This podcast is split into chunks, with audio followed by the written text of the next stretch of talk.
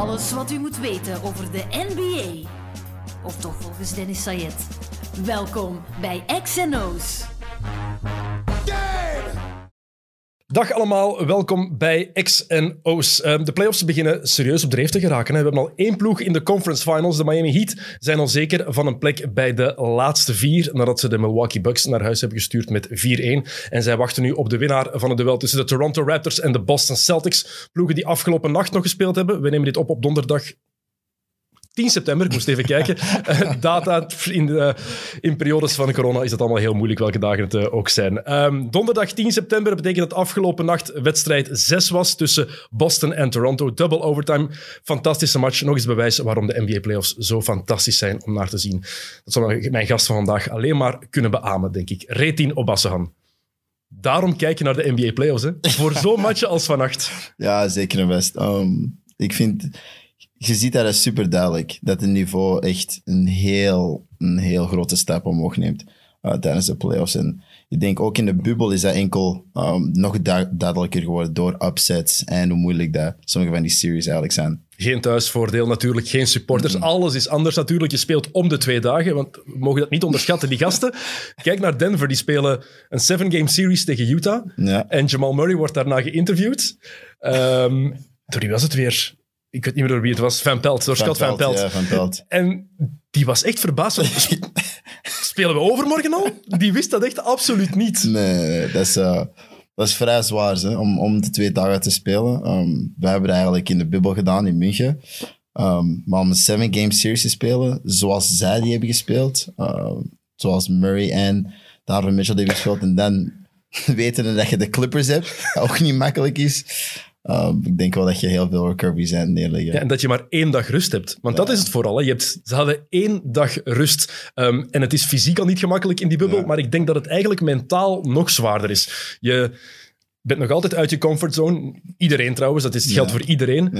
Maar Paul George heeft er al even over gepraat. En ik denk dat dat iets is wat ik zelf ook in het begin enorm onderschat heb voor die gasten mentaal is dat niet gemakkelijk daar. Hè? Ja, het, het grappige is, veel mensen zeggen je hebt één dag rust, maar dat is eigenlijk niet waar. Je hebt één dag rust slash voorbereiding.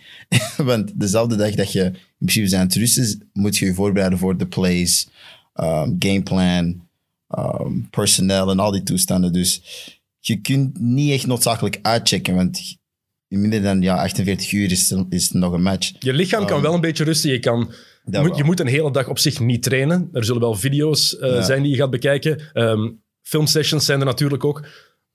Maar mentaal heb je inderdaad... Je hebt niet de tijd om even stoom af te laten en even gewoon het basketbal te vergeten. Nee, dat niet. Want ja, je bent in een bubbel. Dus alles is basketbal. Je, je hebt posters overal, je hebt mediapersoneel overal. Um, je wandelt in een hotel en je ziet tegenstanders. Dat is het vooral. je ziet tegenstanders. Dus um, ook al probeert je, zou ik zeggen, om een beetje een uitlaat te zoeken. Um, het was wel grappig, want ik had, uh, ik had een instantie gezien dat Jamal Murray, die hadden net, net denk ik game 4 of game 5 gespeeld. En um, ja, die zijn naar Toronto en dan plots Jamal Murray zie gewoon Donovan Mitchell en die begint hem gewoon te filmen. Was dat game 1 toen Mitchell? Was dat game 1? Ja, toen Mitchell er, hoe had hij er toen? 57? 54, ja, 57. 57? Dat was dus toen, ja. ja. Dat is super interessant om een match te spelen en dan 20 minuten later gaan we de samen gaan eten. Maar, uh, Zeker omdat bijvoorbeeld in het geval van Murray en Mitchell, dat zijn ook goede kameraden. Die kennen elkaar al van dat ze tien jaar zijn of zo. Dus they go way back. Ja, dus, um, uh, je, je, hebt het net even gehad over die bubbel in Duitsland. Hoe was dat eigenlijk? Hoe zat dat precies in elkaar? Um, dat was tof. Dat was tof, maar heel anders. Um, wij zaten met tien, ploeg, ja, tien ploegen in een, in, uh, in een hotel in München. En uh, we hadden twee groepen. Twee groepen van vijf. En dan speelden wij, wij tegen iedereen gespeeld. En dan de top, de top vier van beide kanten gingen dan in, in een knockout playoff systeem. Mhm. Mm -hmm. um, maar ja, maar dat was ook wel interessant, omdat je speelt en dan neem je de bus naar dezelfde hotel. eet je in dezelfde cafetaria. en, en dan samen ontbijt. En, dus... Um, Hoe lang heb jij in die bubbel gezeten? Um, we zijn tot de eerste ronde gegaan, dus ik denk net geen twee weken. Net geen twee weken. En eerlijk, hoe gek werd je daar al van? Dat valt eigenlijk goed mee. Ik ga heel eerlijk zijn. Okay. Dat valt eigenlijk best goed mee. Um, want dat geeft mij een beetje EK-vibes. ja, dat is een beetje EK-vibes. Met het enige verschil is, je mocht niet baten. je mocht niet baten, er zijn geen fans. En je moet een masker aan doen. Dus en er is handshell overal. Dus er zijn, er zijn wel... Mooie samenvatting. Ja, er zijn wel wat dingen die anders zijn. Maar het is echt een beetje AAU, een basketbaltoernooi, uh, vibes, maar dan ja, op het hoogste niveau. Op het hoogste niveau. En zonder de hotdogkraampjes die hier op de, op de jeugdtoernooien waren vroeger. Geen kaartjes wisselen. Ehm, daar denk ik automatisch aan als ik aan jeugdtoernooien denk. Zes matchen op een dag spelen. Ehm, maar twee weken in een bubbel. Je zegt dat valt heel goed mee. Ik denk dat dat een heel groot verschil is met twee maanden. Hoe lang zitten ze nu al in? Bijna twee maanden. Ja, bijna twee maanden. Twee maanden zonder je familie ook. Oké, er zijn nu heel wat families afgekomen. Ik denk dat iedereen het mooie beeld wel gezien heeft van de dochter van Fred Van Vliet die Ja. in zijn armen loopt. Dus je hebt die reunie nu wel een beetje, maar je leeft wel nog altijd in een hotel. En in een hotel wonen kan soms heel tof zijn, maar na twee maanden... Ja, is, en het gekke is, ze zijn nog niet eens aan conference finals. dus ze hebben, nog, ze hebben nog heel lang te gaan. Maar ehm, het, het goede vind ik wel dat... Ik heb ehm, gesproken met wat spelers die in de bubbel zitten. En ze zeggen wel dat de NBA heel, echt heel hard aan het werken is aan het mentale aspect. Om, hun, eh, om ervoor te zorgen dat ze eh, in principe connected blijven met hun familie. eh, connected blijven met uh, mental, mental like health specialist. Dus ze zijn daar echt heel actief mee bezig, want ze beseffen, zeker voor die NBA-spelers, die zijn volledig aan de wereld. Ehm, voor veel spelers die in Europa spelen, is dat eigenlijk veel, veel meer ah, voorkomen. Want je ziet vaak van, die, van de spelers in Amerika die naar Europa komen en dan acht maanden, negen maanden hun familie niet zien. Dus op dat vlak in, in het Europees basketbal zie je dat veel meer, waar dat, dat een, een uitdaging is voor spelers, hun, voor hun mentale, voor hun psyche. Uh, maar op het, op, op het NBA-geheel is dat gewoon niet. Want daar, als, zelfs als een, Euro- een Europees speler naar de NBA gaat, heel zijn familie komt mee. Dat is, dat is ook makkelijk, makkelijk geregeld. De NBA zorgt voor visa's voor iedereen. Dat is, dat is ongelooflijk hoe snel ze dat gedaan krijgen. Um, zelfs in de G-League had ik, had ik mijn werkvisum in minder dan een week. En Als- zeker tegenwoordig is dat heel uitzonderlijk. ja, iedereen die weet hoe, hoe moeilijk het is om een Amerikaanse werkvisum te krijgen, weet dat dat heel indrukwekkend is. Dus als ze dat in de G-League al kunnen doen in minder een week, laat staan in de NBA, laat staan voor een speler zoals Giannis die zijn hele familie wilt laten overbrengen. Dus ik denk dat, um, zeker voor die NBA-spelers, waar dat um, hun hele carrière, of ik zou zeggen hun hele NBA-gedoe um, gefocust is op ervoor, om ervoor te zorgen dat alles buiten het veld zo, zo, zo makkelijk mogelijk verloopt, is het bubbel, het bubbelgedeelte toch wel een uitdaging. Ja, tuurlijk. En, um, en ik denk wel dat dat gerespecteerd moet worden. Het is ook mooi hoe de NBA zich meer en meer inzet voor die mentale gezondheid van de spelers. Ja. En we hebben Kevin Love gehad, die daar genoeg over gepraat heeft de laatste jaren. DeMar DeRozan heeft over zijn, zijn moeilijkheden, zijn struggles gepraat. Paul George is daar heel open over. Het is ergens toch een taboe in topsport. Zeker als ik dat bekijk in Europa nog meer Ja. dan in de VS. In de VS durven ze daar al meer over praten. Hangt ook van competitie tot competitie af. Maar zeker in de NBA is dat geen probleem meer om daar openlijk over uit te komen. In het Europese voetbal is dat nog duidelijk een veel groter probleem om daar eerlijk over te zijn. Ik vind het wel goed dat de NBA daar opnieuw een voortrekkersrol in speelt en dat zij gewoon durven zeggen van kijk, het is niet gemakkelijk. Ja, die mannen zijn mul- multimiljonairs. Ja, die mannen mogen basketten als job. Fantastisch leven. Maar het is niet omdat je die dingen hebt dat je geen mentale problemen kan hebben. Zeker niet in zo'n bubbel. Ja.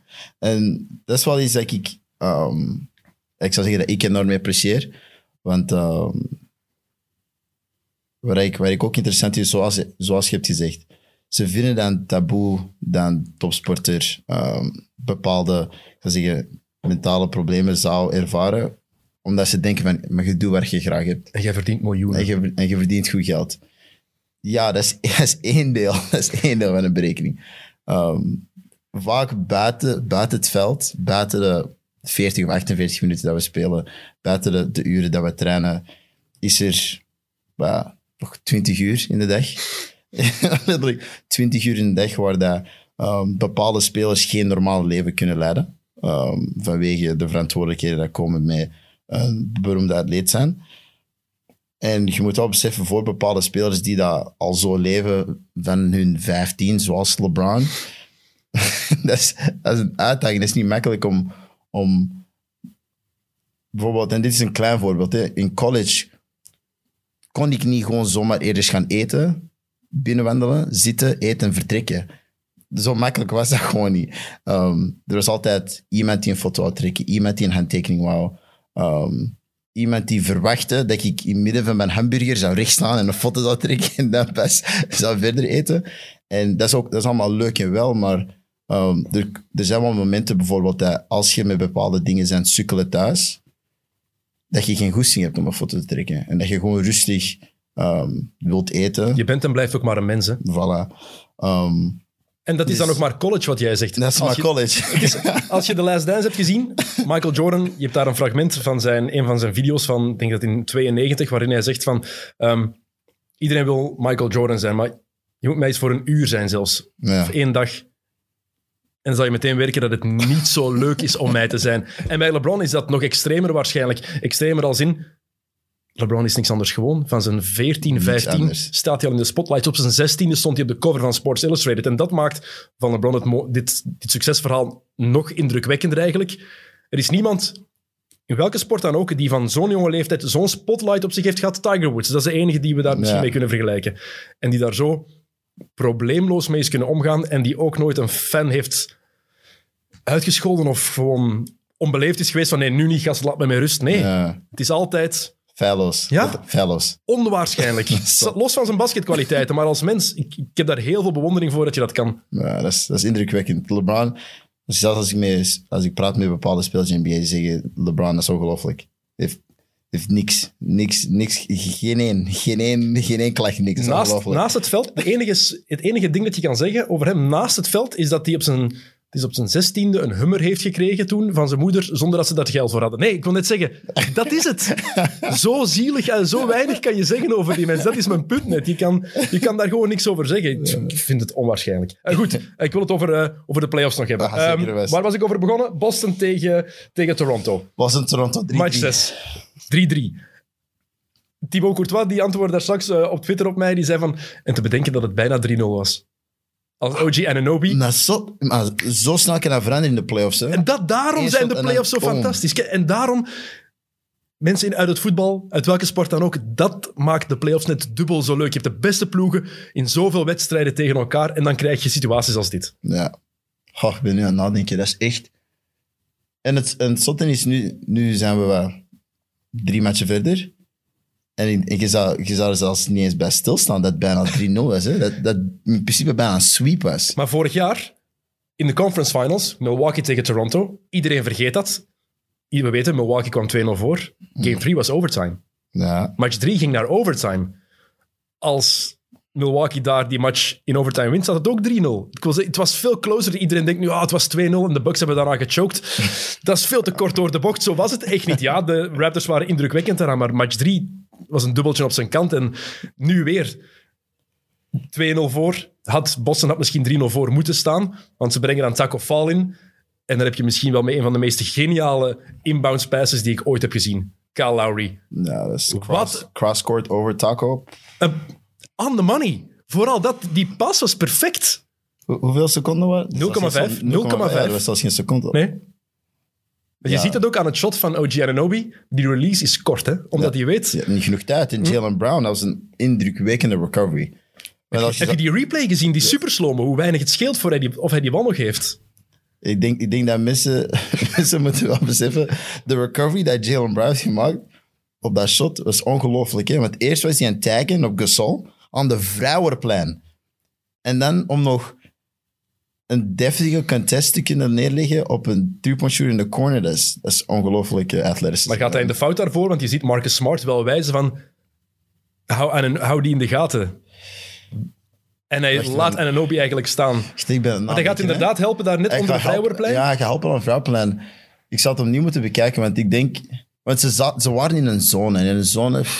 Ik zou het je willen Heel- laten zien, maar ik heb hier geen internet. Ja, heel, gaat niet heel- lukken. heel veel, kan, heel veel kan gebeuren in een zone. En, en dat, was ook, dat was ook een interessante call, denk ik, ehm, om, in, om in een zone te gaan daar. Maar ehm, ik, denk, ik denk, ja, dat is communicatie. Maar dat toont, dat toont ook hoe dat je op, op, eh, op topsportniveau de kleinste details maken een wereld van verschil. Had je Taco Fall wel moeten zetten als je Brad Stevens bent? Of had je iemand moeten pakken die meer was gaan doubleteamen? Want nu wordt er verdedigd op de inbounder. Het heeft niks uitgemaakt. Kyle Lowry geeft daar een van de meest fenomenale passes die ik ooit gezien heb. Maar je kan ook voor een andere optie kiezen, voor iemand bewegelijker. En die gewoon iemand mee laten dubbelen, waardoor Jalen Brown bijvoorbeeld meer ruimte zou krijgen. En je die rotaties iets vrijer laat. Is, Ja, dat is 2020 hindsight. Ja, tuurlijk, dat we niet- bespreken hier alles achteraf. Hè? Ik, ik, zou, ik, ik zou het ook al hebben gedaan, denk ik. Zeg, Taco Fall. ja? Want ik heb, er, ik heb ernaast gestaan in de Summer League.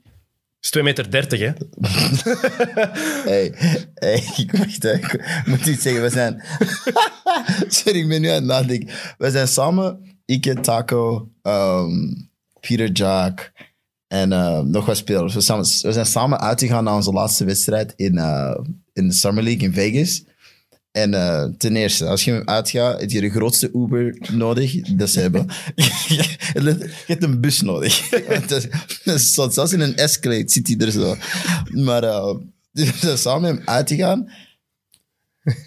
ik, ik zeg het weer, dat is echt... Is, ik snap niet hoe dat een mens zo groot kan zijn. Hè. Die, staat, die staat buiten en ik aan het kijken van...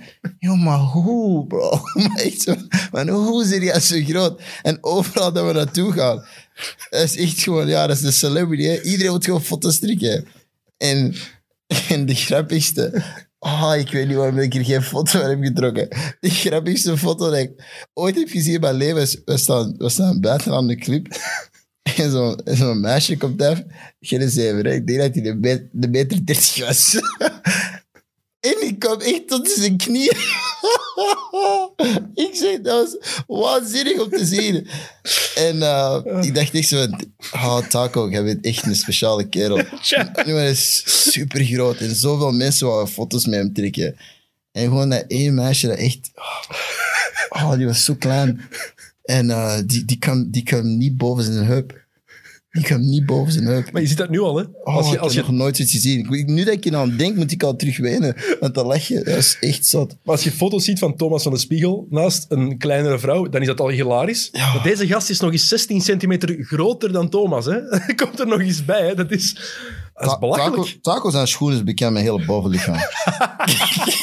maar echt, maar ik ben serieus bij je. Zijn schoenen alleen als bekend helemaal bovenlichaam. Dat is echt niet te doen. Dat is niet te doen. Maar eh, dus, Ah, wetende hoe gigantisch hij is, zou ik, zou ik altijd Taco Fall op de inbounder zetten. Oké. Want dat is, als, je moet dat echt zien om te beseffen hoe gigantisch dat die is. Dat is echt dat is ongelooflijk. En dat, dat maakt die pas van Lowry eigenlijk nog indrukwekkender. Voilà, Want het is echt... Als je, hoe meer je die pas ook bekijkt, het ziet er zo simpel uit, hè? Overhead pass. Zet iets van 2 meter, maak een toren van 2,30 meter 30 en probeer daar een goede pas over te Maar- geven. Echt, doe het maar eens thuis. Maar het begint pas om 2,30 meter. hè. Je moet zijn armen erop Ja, ook, dat is waar, dat is Oh, nee. Waanzinnig. En nogthans, we hebben nu... Het is 3-3, we hebben twee blowouts gehad. Mhm. Twee keer overwinning voor Boston. Vier spannende matchen. Ehm, met die double overtime vannacht als voor mij ja, de kers op de taart. Heerlijke match. Als dit een Game 7 was geweest, was het een van de meest legendarische matchen ooit geweest. Toronto wint. Ja, ik heb ook Toronto gezegd op voorhand, maar we moeten eerlijk zijn, als we deze twee ploegen vergelijken, de Celtics hebben meer talent. Intrinsiek is dat de betere ploeg. Tatum en Brown zijn twee van de spelers die de toekomst van de NBA gaan zijn. Als je dat vergelijkt met de beste spelers bij Toronto, Lowry en Siakam op dit moment, het talentverschil is gewoon wel duidelijk. Maar. Toronto heeft zo'n goede ploeg, heeft zo'n geheel. En ik vond dat je dat vannacht vooral zag in hun defense. Die rotaties die zij soms gedaan hebben, vooral in het vierde kwart en in de overtimes, die rotaties waren soms gewoon Zijn we. Toronto bezig? Toronto, ja, die de defense van Boston is ook fantastisch. Hè? Zeker Ja. onder leiding van Marcus Smart. Maar hoe Toronto vannacht aan het roteren was in defense, af en toe die double team, en dan zag je iedereen onmiddellijk... Iedereen, er is geen enkele rotatie fout gegaan, denk ik. Nee, nee, iedereen nee. wist perfect waar die naartoe moest gaan. Ja. En dat is wat Toronto zo goed maakt. En dan zeggen mensen, ja, eh, vorig jaar Kawhi weg. Kijk, Kawhi heeft die titel, gewonnen omdat die ploeg zo goed was. Eén, dat ondermijnt hoe geweldig Kawhi daarvoor was. Ja. Maar ook wat Kawhi voor die ploeg meegedaan heeft met Nick Nurse. Dit is was indrukwekkend om te zien, die defense. En dat zegt nog eens het bewijs van, ja, je kan zo getalenteerd zijn als je wil, maar als je echt tegen een goede ploeg staat, dan is gewoon niks gegarandeerd. Ja, niks is gegarandeerd. En de, re- eh, de reden dat ik bijvoorbeeld eh, het voordeel zou geven aan een, eh, Toronto is, is, je kunt niet wegnemen dat zij die championship experience hebben. Je kunt dat niet wegnemen. En dat, en dat doet heel veel voor een ploeg. Dat zie je, dat verschil tussen het Toronto van twee jaar geleden, toen het nooit lukte, Ja. en dat ze over de hump zijn geraakt.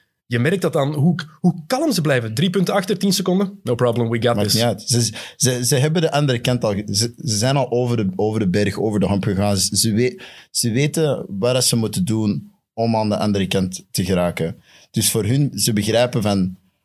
Hey, dat is- een, dat is oude saying. It's, it's not over till the fat lady sings. Kan je dat vergelijken met de Bulls nadat Jordan is vertrokken? De eerste keer, 93, 94. De beste speler van de wereld gaat weg. Beste speler van die ploeg, die leider. Maar dat geraamte staat er nog. Er is maar één iemand weg. Al de rest is hetzelfde gebleven. Ze hebben een geweldige coach, is nu bij Toronto ook. Die systemen, intrinsiek is dat hetzelfde gebleven. En dan kan je ver gaan. De Bulls hebben toen ook zeven matchen... Hebben er niks toen tot zeven matchen gedwongen. We vergeten dat vaak, maar tot, tot zeven wedstrijden. Gewoon omdat dat...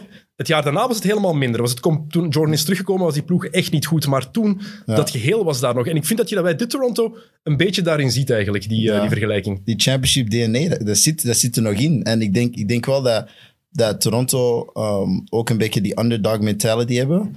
Want ze willen bewijzen van, wij kunnen het ook doen met de ploeg die we hebben. Uh, we, bes- we beseffen dat Kawhi een, groot, een, grote, een grote deel uitmaakt van onze ploeg. Maar zelfs zonder hem kunnen we ook succesvol zijn en dingen behalen. En, je merkt- En dat je helpt met als extra motivatie, denk ik. Zeker en vast. En, en je ziet dat ook. heb je Norman Powell, die... eh, Hoe clutch was die? Gigantisch. Anunobi, gigantisch. Siakam, um, Deze serie niet goed, in de bubbel gewoon niet goed, maar je ziet wel de stappen die hij de gezet stappen die hij nemen is zelfs, zelfs Van Vliet, vorig jaar ook al top, maar nu meer, meer een leidersrol aan het nemen. Dus je ziet wel, je ziet wel dat, dat, dat heel de ploeg heeft uh, een beetje een, een moment heeft gehad van oké, Kawhi is weg. Nu, nu moet ik wel wat meer op mijn schouders nemen of wat meer verantwoordelijkheid nemen. En, en die hele ploeg, ja, die, die stappen daarin. En, en, en eh, dat, is, ja, dat is mooi om te zien. En daarom denk ik in een Game 7, do or die, zou ik, zou ik mijn geld zetten op... En dit is geen advies om te, om te wedden. Dus geen advies. Maar zou ik... Zou ik I would bet on experience. Ja. En, en ja, dat is, dat, is, dat is mijn mening. Dus ik, ik neem Toronto, maar ik ben, ik, ga, ik ben curieus om de match te zien. Ik ook. Ik hoop gewoon dat we opnieuw twee overtimes krijgen. Het moet gewoon, Twee het moet gewoon, overtimes. Ik wil geen twee het moet gewoon overtimes. spannend zijn. Die man hebben rust nodig. Is voor mij mag het gebeuren in 48 Hey, minuten. wat, die rust, niet onbelangrijk wat je daar zegt, want ehm, wat coach Boerenholzer met Milwaukee niet durfde met Janis, speelt die gast godverdomme 44 minuten. Ehm, kom, Ehm, dat is wat Nick Nurse en eh, Brad Stevens allebei wel doen. Hè? Ze riden hun beste spelers gewoon oh, die tot het einde. Ja, die spelen gewoon. Lowry en Van Vliet en Siakam, ik denk dat die in de tweede helft en overtimes niet op de bank gezeten Ja, die hebben. spelen gewoon. Maar dat is, dat is ook hun... Dat is hun Stevens net hetzelfde bij Boston. Hè? Tatum, Brown, Smart, die mannen die spelen 50 minuten. conditie, conditie stop. Ga maar. En... ehm maar, die, maar die mannen zijn ervoor getraind, hè, dus... Tuurlijk, maar daarom net... We gaan het zo meteen over Maar je, hebt wel, hebben. maar je hebt wel een Miami Heat die nu aan het chillen is. Ja, dat wel. Dat is, dat is waar. Ja, dat Ehm, ik wel zeggen. ik zou mijn geld ook op Toronto zetten, om dezelfde reden die jij zet, zegt. Langs de andere kant, heel vaak wordt in de NBA gezegd, hmm, de ploeg die de beste speler heeft, en dan zit je met Jalen Brown en Jason Tatum. Ja. Zijn dat intrinsiek de twee beste spelers in deze serie? Of Mm. onderschatten we zo Kyle Lowry? Want Siakam Ja, kunnen we moeilijk zeggen, Onderschatten Kyle Lowry. Omdat in deze serie komen de, de tekortkomingen van Siakam komen wel naar boven. Je ziet van, oké, daar moet hij nog aan werken. Halfcourt offense is niet voor Siakam voorlopig. Altijd naar die spin move of die up and under. Dat zijn de enige twee go-to moves die hij voorlopig heeft. Ja, En je ziet dat de defense, zeker een goede ploeg als Boston, kan zich daarop instellen. ja. Maar Lowry is iets anders. Ik denk qua, ik denk qua firepower heeft Boston op zich wel meer. Denk ik wel. Met, um, met Kemba. We, moeten praten heel veel over Jalen Brown en Jason Tatum, maar we moeten Kemba niet vergeten. Want in, in Charlotte was hij een beest. Um, dus met Kemba, met Marcus Smart nu, die echt geweldig is aan het spelen en ook ho- aan een hoger niveau is aan het shotten. Als Hayward terugkomt. Komt Hayward terug van een Game 7? Voor Game 7 waarschijnlijk Ah, niet. nee. Maar voor de volgende, Ah, volgende ronde zou... De volgende ronde, oké, dat wel. Dus ik denk op zich, qua firepower, heeft Boston heel veel, heel veel pieces. Um, maar toch, ik, ik, ik, ik, ik vind gewoon niet dat je Fred Van Vliet en Kyle Lowry kunt onderschatten. Want die twee, want die twee boys kunnen basketten. En, ehm, en meer dan dat, die hebben superveel hard. Dus, dus op zich, maar dat heb je aan de overkant dan ook met Marcus Smart. Ja, dat wel. Maar, maar dan heb je championship DNA. Dus ja, Ja, ik het is, weet het. Het is, interessant, het is aan te zien- interessant om te zien van welke, eh, welke troeven elkaar gaan, uit, gaan, gaan uitspelen. Um, maar ik, ik denk wel dat als Kyle Lowry op hoog niveau speelt, Fred Van Vliet op hoog niveau speelt, ehm, gaat dat Siakam, zo, ze gaan zo, Siakam zo, sowieso meenemen. En als je die drie hebt... Oké, ehm, als jij moet kiezen. Kyle Lowry of Marcus Smart? Twee gasten die harder spelen dan wie dan ook. Ook de hardste floppers van de NBA. Lowry. Ehm, met wie wil je liever in de ploeg zitten? Lowry. Ja? Waarom? Ehm, omdat ik egoïstisch gezien ik veel meer zou kunnen leren van een Lowry dan een, dan een Smart op zich, denk ik. Oké. Ehm, dus op, op dat vlak zou ik... Want ze, ze zijn alle twee geniaal in hun eigen recht. Maar, Smart is een van de beste vijf verdedigers in de NBA dit seizoen. De laatste Voilà. jaren eigenlijk, maar dit seizoen helemaal. Voilà, dus... ehm, maar ik zou dan, ik zou dan ja, liever met Lowry willen spelen. Oké. Wie is de beste flopper van de twee? Eh, Het zijn allebei meesters, hè? Ze zijn echt ik heel zou aan zeggen- elkaar Ik zou gewaagd. zeggen, beste, beste floppers zou ik, ehm, zou ik zeggen Lowry. De enige reden dat ik zou zeggen Lowry is omdat ehm Lowry heeft zodanige reputatie gekregen in de NBA dat zelfs als hij flopt, krijgt hij nog altijd de benefit of the doubt. En gaan die, gaan die, een, gaan die een charge callen. Als Marcus Smart flopt, dan zeggen de rest van stop met floppen. Dus daarom denk ik dat op, dat vlak Lowry wel beter is. Want er zijn, er zijn al instanties geweest in de bubbel waar hij een aanvallende fout heeft gecreëerd, maar dat was geen aanvallende fout. Vannacht is het voor een keer andersom geweest. Hè? Heeft hij een call niet meegekregen? Um, het was wel heeft het gecorrigeerd? Ja, hij kreeg een, een elleboog tegen zijn gezicht, gezicht on- onbewust, dat is Ja. duidelijk. Maar omdat hij zo vaak flopt, hebben de rest dat niet gefloten. Dus zijn reputatie... Leads de NBA, leads de NBA in charges. Dus Dat is waar.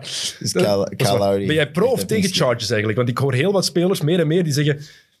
Degoutant. Een gast die, zo die ineens daar gaat staan, dat is niet verdedigen. Of ik pro-charges ben? Pro of tegen? Zeker en vast. Pro, hè? Ja, maar- ik, ik ook, hè. ik vind dat fantastisch. Ik, Je mocht daar gaan staan, ze. Ik mocht daar gaan staan, ze. Nee, maar ik ben, ik ben, ik ben, ik ben pro-charges. Ik vind, ik vind dat geweldig. dat, dat hoort net bij verdedigen. Heel wat gasten zeggen dan, dat is niet verdedigen. Ja- Jawel. Net wel, is- vind ik. Ja, dat is verdedigers, hè. Om, om, om je eigen lichaam te kunnen opofferen voor je eigen ploeg. Is- ik vind dat dat juist... Ja, dat is verdedigen. Dank ik weet niet waarom dat je zou zeggen dat dat niet Eh, ik verdedigen heb er met mijn broer de laatste weken heel wat discussies over gehad. Eh, Ah. Die vindt dat totaal niet verdedigen. Ik denk dan ge- gewoon te tam om daar te gaan staan of om die klap op Dus te wat vangen. stelt, wat stelt hij dan voor? Huh? Wel, wel te gaan of niet te gaan?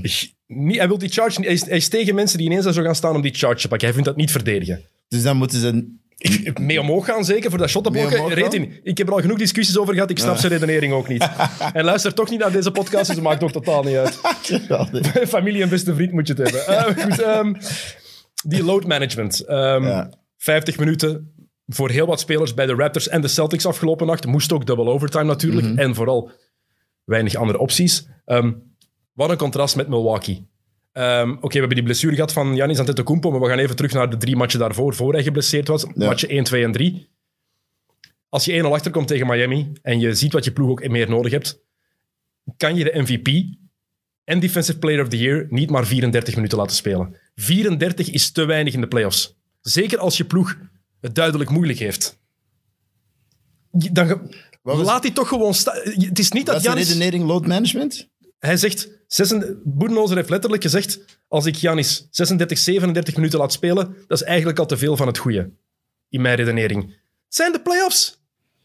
Grind hem out. Het is niet... Janis is 25 jaar, Ja. is in top shape.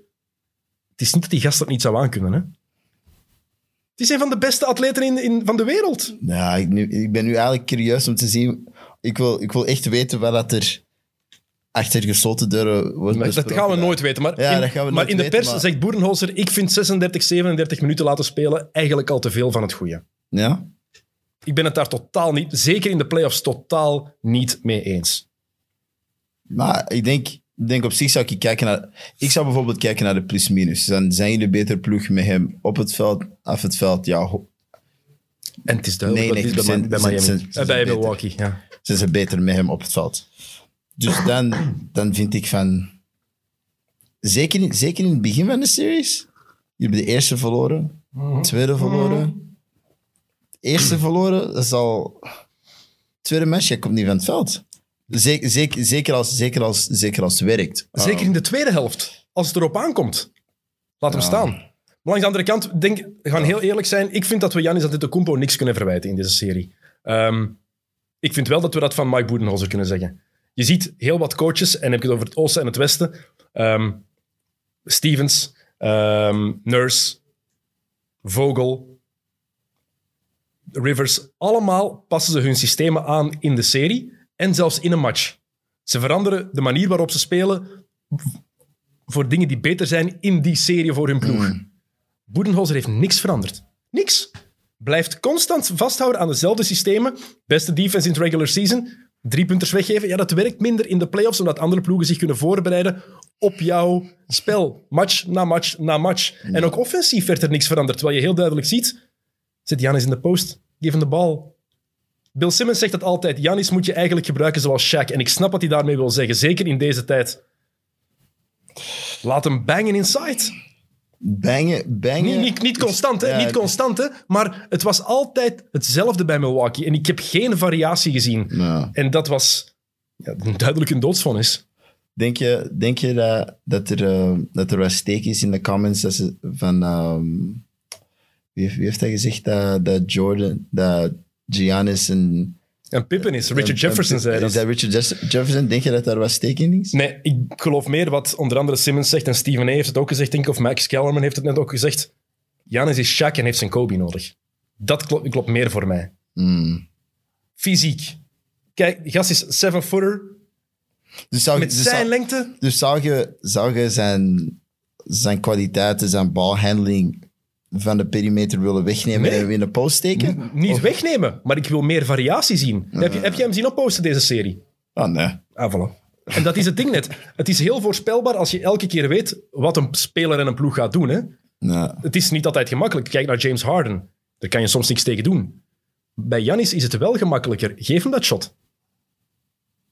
We hebben het gezien, we hebben het gezien hè? en ik denk dat dat shot zone up en dan ja, als, als, als een ploegmatte... Bill de fucking wall zou staan van Gundy zeggen. Ja, maar dat doen ze echt, hè. Maar exact. Ja, dus, dus, dus drie mannen aan de vrouwplein, hè. en En daarom, moeten maar passen. En als je dat dan verandert, zet hem, zet hem in de short corner. Af en toe. Laat hem van daaruit verdelen. Laat hem eens verdelen in de high post. Niet altijd van, van echt volledig op de perimeter. Ik denk dat Boedenholzer veel had kunnen proberen. En heeft te laten durven ingrijpen in defense ook. Ze hebben vastgehouden aan hun systeem dat dat werkte in het reguliere seizoen. Ja, dat is, maar dat is, dat is, weer- dat is, ik denk dat dat, denk dat dat moeilijk is voor, een, voor, voor elke coach, denk ik. Als je zodanig veel succes hebt tijdens, tijdens het jaar, om dan in een bubbel, waar je, denk ik, niet veel tijd hebt om nieuwe dingen te proberen. Maar de andere ploegen doen het ook. Doen het wel. Ja, maar ik, ik ben gewoon... Advocaat van de duivel. Ja, ja. ik, ben- ik ben- probeer langs beide kanten eh, te spelen. Denk ik dat zij de, de, best, de beste, Beste defense. beste defense, beste... Af, nee, niet aanval. Een van de beste aanvallen, ja. Ehm, wat was nee, beste record, excuseer. En beste point differential ooit misschien wel, denk ik. Ik weet het niet met 100% zeker hoe het met de bubbel was, maar Dan denk ik wel dat je een staf heel veel vertrouwen bouwt in je systeem. En ik denk dat ja, dat dan moeilijk is om na twee wedstrijden of misschien drie wedstrijden te zeggen van oh, we doen iets volledig anders. dat is eigenlijk wat een grote coach moet doen. Hè. En dat is wat Mike Budenholzer... Bij Atlanta lukte het niet. En nu is het tweede jaar bij, op rij bij Milwaukee dat het te vroeg eindigt. Dus ik ben curieus om te zien. Zo'n 4-1 naar huis als number one seed overall. Mhm, absoluut. Eh, Dus, Ehm, ik durfde niet gokken op Miami voor de serie begon. Nochtans vertrouwde ik Milwaukee totaal niet. We hebben er nog een video van gepost, twee weken geleden, denk ik, waarin we zeggen, letterlijk zeggen, zeggen van de Bucks zijn zoals ehm, uw liefde dat u heeft bedrogen, maar waar je niet weg van durft gaan. Je ziet ze nog graag, maar je vertrouwt ze toch niet helemaal. En het is gebleken dat het waar was. En ik ben een te grote pussy geweest om op Mi- Miami te, te gokken. Ehm, maar eigenlijk was het een beetje de chroniek van een aangekondigd, aangekondigde uitschakeling. Vorig jaar al contractverlenging geven voor Eric Bledsoe en je laat Malcolm Brogdon gaan. Terwijl dat niet moest. Je moet gewoon een beetje in de luxury tax gaan. Hadden ze nooit mogen laten doen. Ah, hadden ze nooit mogen doen bij Milwaukee. En ook, ik denk, als je kampioen wil spelen, moet je betalen. Heel simpel als eigenaar. Moet je in de luxury tax gaan. Je hebt geen keuze meer. Nou nee. De NBA, de NBA is te goed aan het worden. Je moet, je moet echt bouwen. Uh, je moet bouwen en in principe betalen voor, voor de spelers die je nodig hebt om, om uh, competitief te kunnen blijven. Mhm. Dus uh, En moet je eens inbeelden, want Eric Bledsoe was opnieuw een ramp in de tweede ronde. als je Malcolm Brogdon daar hebt. Hoe goed hij voor Indiana was dit jaar. Die was heel goed. Die was heel goed. Dat was Rookie of the Year. Ah, De perfecte aanvulling toch ook voor Giannis. ja, je moet, je moet hem respecteren. Dat is echt een heel goede speler. Ah, Hij was een restricted free agent, hè? dus ze moesten hem niet laten gaan. Ze konden elk bot matchen. Front, front office. Front office. dus, ehm, dat zijn wel die moeilijke beslissingen die ze moeten maken. En, en, ehm, ja, ik denk, ik denk dat Brogdon nu wel een goede spot heeft gevonden bij Indiana. En eh, zeker, je gezien in de laatste, laatste wedstrijd, dan is hij daar ontploft.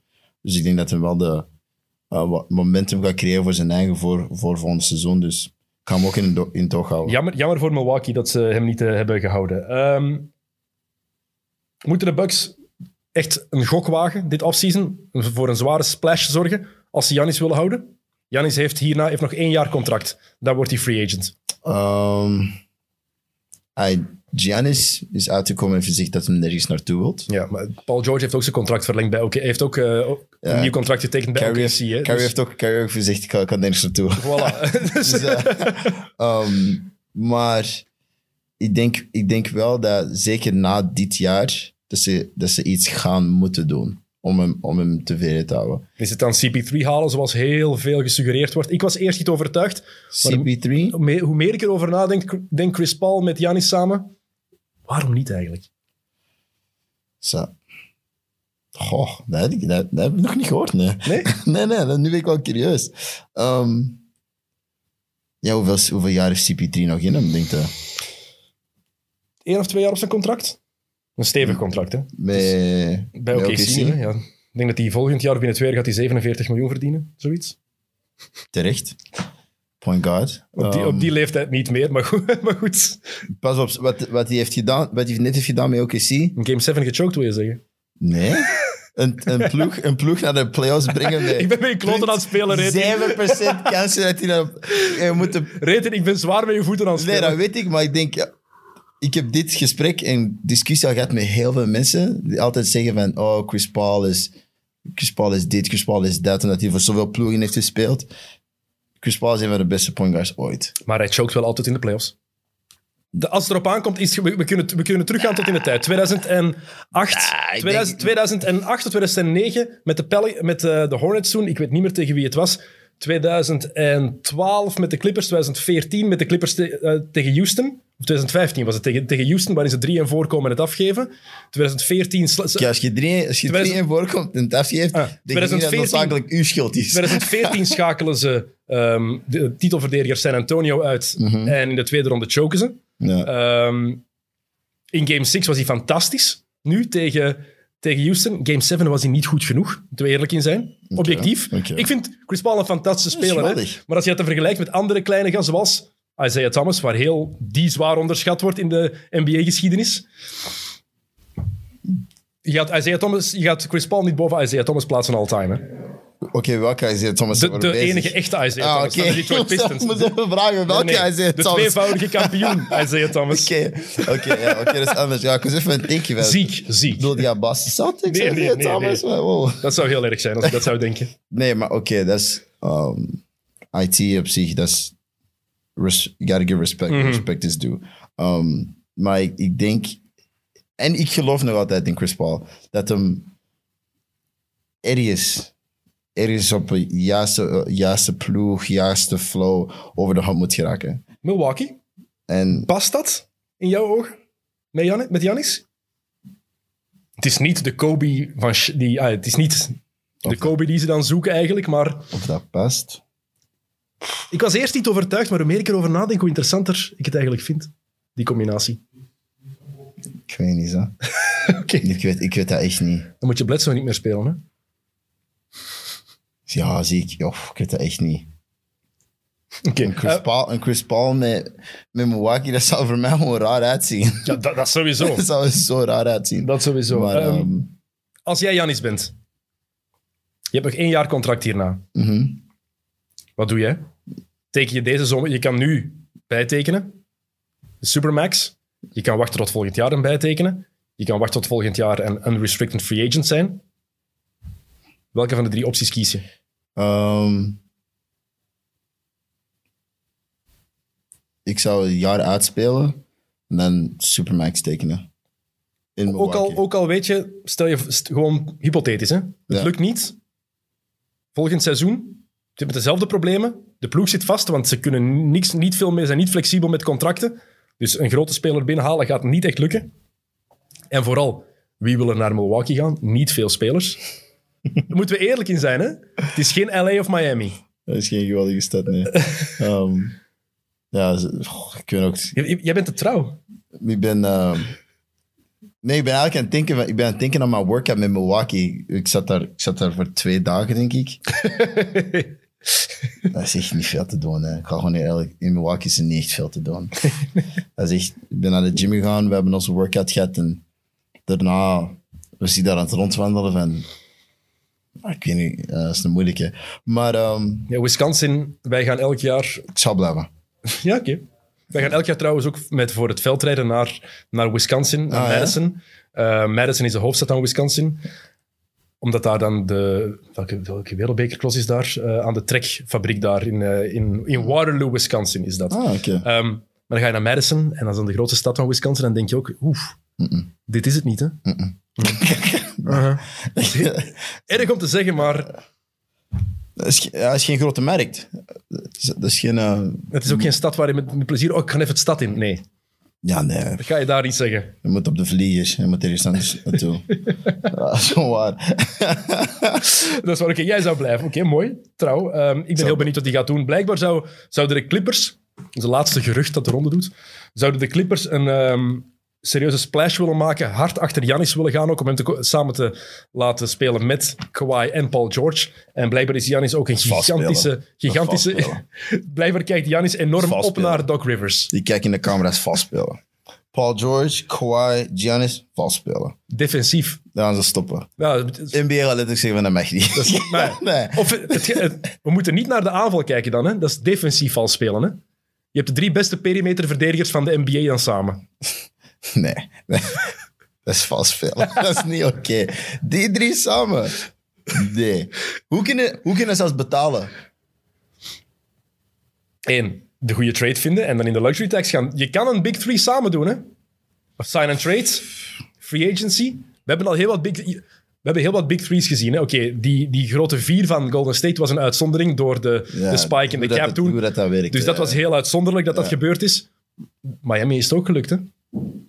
Bij Boston is het ook gelukt, hè? Om een, ben- om een grote drie samen te stellen. Bij Cleveland is het ook gelukt om een grote drie samen te Ik stellen. ben me daar echt nu aan het inbeelden. Pat Bev, PG, Kawhi, Giannis En Montrez. en Montrez. Of, of Zubac, ook goed. met ze scoren 30 punten. Man, dat zijn... Nee, dat zijn vijf, nee, dat zijn vijf Ik kan alleen nog maar shotten van aan de middenlijn. daar wilden ze zelfs niet tegen spelen. wow. Wel interessant om aan te denken, hè? Ja, dat zou interessant zijn. Ik, Was, wat zijn de andere kanshebbers voorlopig? Eh, Miami is er één van. Toronto Miami? is er ook één van. Toronto? Blijkbaar. Blijkbaar. Nog eens, Ah. geruchten, hè? Ja, Maar ik vind geruchten belangrijk. leuk om over na te denken. Ja, en vooral Ja. ook, ik, wanneer was het? Vier jaar geleden, toen ehm, KD naar de Warriors is gegaan. Ik geloofde daar niks van. Dat was ook een gerucht. Ik vond het dikke bullshit. Ja, wie, alsof KD naar de Warriors zal gaan. Doe normaal. En Ja, een paar maanden later, dus sindsdien, denk ik dat alles mogelijk is. alles is inderdaad mogelijk. Alles is mogelijk. Ehm, de Western Conference. Ja. Wat gaat het worden volgens jou? Wordt het LA tegen LA? Wa- Wat, wat is het nu met Lakers, Denver? Houston, 3-1. Wat is het nu met Denver? Het is 3-1 voor de Clippers tegen Denver. We hebben vannacht match 4 gewonnen. Ja, dat is gedaan. Ehm, ja, die hebben, die hebben niet twee keer 3-1 in, dat niet. Eén Dat keer zou wel. zo cool zijn. Dat, nee, dat denk ik... Nee, dat hebben ze niet. Jokic, Jokic heeft zelf gezegd van, ja, ik speel traag omdat je niet de snelste bent. Dan ga je niet twee keer zeven matches achter elkaar spelen. Nikola Jokic is echt een van mijn favoriete spelers in de NBA om te zien top, spelen. is Ook top om te zien. door die, wat je net zegt, door die uitspraak, heb, heb ik hem nog liever. Ja. Ja, ik speel traag, maar omdat ik, ik kan niet rapper. Ja, ja geweldig. Maar je Voilà. moet niet rapper, dat is juist het ding. Maar dat hij dat durft zeggen, trekt zich er geen hol van aan. Dat was blijkbaar ook een paar jaar geleden, ik denk vorig jaar, eh, het was, was hij met in de kleedkamer bij Denver. En het ging toen over het, ja, het gewicht van Jokic, over zijn lichaam. Van ja, moet je niet meer in shape zijn? En zijn antwoord was, I'm all-star en all-NBA. It's all good. en hij heeft gelijk, hè? Maar hij heeft volledig gelijk. Maar hoe die speelt, ehm, wat was het, match drie, de eerste helft, was een pure clinic. Ja. Dat was het bewijs. We zeggen heel snel tegenwoordig, hij is de beste ooit daarin. Hij is de beste ooit daarin. Waar, waarmee we het verleden eigenlijk veel te hard negeren. ja. Ik heb Arvidas Sabonis alleen in zijn nadagen zien spelen bij Portland. Nooit echt bij Real Madrid daarvoor. In zijn, zijn hoogdagen in Rusland ook niet. Maar Nikola Jokic is denk ik wel de best passing big man ever. De soort, echt big man, seven-footer, de soort passes dat die geeft, het zicht dat hij heeft, die full court passes, dat is één ding, maar ook gewoon Dat is, No dat- look. Maar die full court pass gaan we aan Kevin Love moeten geven. aan, dan moeten we, nee, dan moeten we eigenlijk teruggaan. Het is Kevin Wesley Love. Waarom is het Wesley? Wes Unseld. Wes Unseld Ja. is de beste outlet passer ooit. Zijn vader heeft Kevin Love daarnaar vernoemd, want de vader van Kevin Love heeft met Unseld samengespeeld bij de Nee. Bullets. Maar het zijn, Kevin Love is altijd two hands. Jokic heeft die rebound in één hand en die bal is al weg, hè? Die vertrekt al. en het is niet alleen dat toch. De hoeken die hij ziet. Nee, dat is, echt top. Dat is top om te zien. Maar eh, Jordan Clarkson kan daar twee maanden bij, moet daar twee maanden bij op kamp gaan eigenlijk. Hè? Jordan Clarkson ziet geen enkele passing angle. Dus, Schermen. Oh, Jordan Clarkson. maar, ze, hebben- maar ze hebben Jordan Clarkson niet binnengebracht om te passen. Dat is ook wel, dat is ook wel waar. Ze hebben die letterlijk gewoon binnengebracht. omdat hij dat ook niet kan, dat is heel simpel. Hè? Allee. Ja, maar die doet wat dat hem kan. Ze, hebben Jordan Clarkson binnengebracht. Ze van, yo, kijk, jij you're firing, you're scoring punch off the bench. Ja. Dat, is wat hij, dat is wat hij doet. Die komt binnen en die shot. En die is, en die is, heel, die is heel agressief. Dus ehm, ik denk... eh maar ja, Clippers gaat hij winnen. Oké, dus LA tegen LA? Ehm, Clippers het is gaat- twee- Het is, eh, het is 3-1 en 2-1, hè? Ja. Het is straks match 4 tussen Match vier. Houston en LA. Dus misschien voor mensen die dit later beluisteren, is die match al gespeeld. Wij weten nog niet wat er gaat gebeuren, maar Ik denk het wel, ja. Ik denk wel dat LA, gaat- LA gaat worden. welke LA-ploeg heeft jou al het meest overtuigd? Lakers. Ja? Als ze gezond blijven. Nochtans hebben de Clippers intrinsiek, vind ik toch, zeker in de breedte, de veel betere ploeg. Zeg niet de betere spelers, want je hebt AD en, en LeBron James. Dat is het beste duo dat er in de NBA rondloopt. Mhm. Maar de Clippers hebben echt wel een veel betere ploeg. Als, de- als het daar eindelijk klikt, want je voelt dat die nog altijd aan het zoeken zijn naar chemistry. Daarmee, daarmee, dat ik, daarmee dat ik LA tegen LA wil zien. Want, want uh, desondanks dat de Clippers ah, redelijk was succesvol zijn geweest dit seizoen, is het nog altijd niet aan het klikken. Je, je merkt dat wel. En nog dus ik zou, ik zou gewoon die rematch willen zien van LA tegen LA. Eerste Oh. keer dat de Clippers ooit in een conference final zouden staan. Hè? Ooit. Dat zou een eerste keer zijn? Oh, wauw. Dat is jammer dat die dan niet zouden winnen. Ooit. oh, dat is erg. Ehm, Dat is jammer. maar ja, de chemistry is er bij, bij de Clippers, vooral in offense nog niet helemaal. Match 3 tussen Houston en de Lakers. Defensief zagen de Lakers er bij momenten echt heel slecht uit. Als in, vergelijk dat met wat we van Boston en Toronto hebben gezien, hoe die rotaties, hoe, die, hoe goed die gingen. Kuzma, Caruso, die heel veel fouten hebben gemaakt in hun defensieve rotaties. En zelfs Anthony Davis, LeBron heeft zich vooral in de eerste helft heel vaak kwaad moeten maken, omdat er gewoon een gemiste rotatie was. En dat kan je je tegen de Clippers niet permitteren. Dat niet, hè.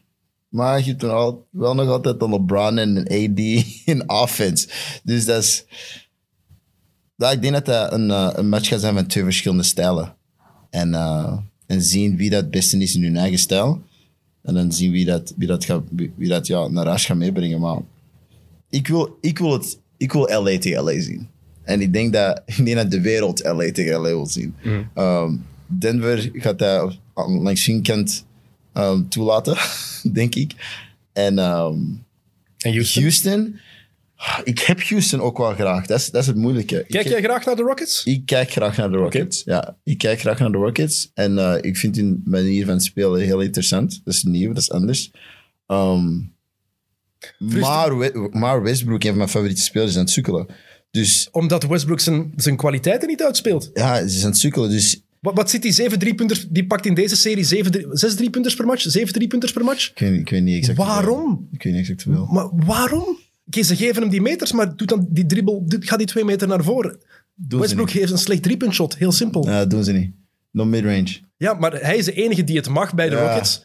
Oké, maar als je zo slecht shot van achter de driepuntlijn... Ik, Wat is zijn, wat is zijn percentage eigenlijk in de playoffs?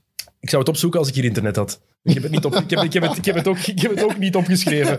Maar zijn driepuntpercentage is niet fantastisch. Ga eens kijken of ik het hier toch kan vinden. ik, ben, Ehm, ah, ik ben gewoon curieus als er Mm. maar zes of zeven aan shotten is per, per wedstrijd nu. Ehm, Ah, we hebben hier in internet vallen. Eh, Westbrook van achter de driepuntlijn. Deze serie, 25 procent. 25% Dus dat is, ja, dat is minder dan één. Dat is slecht, hè?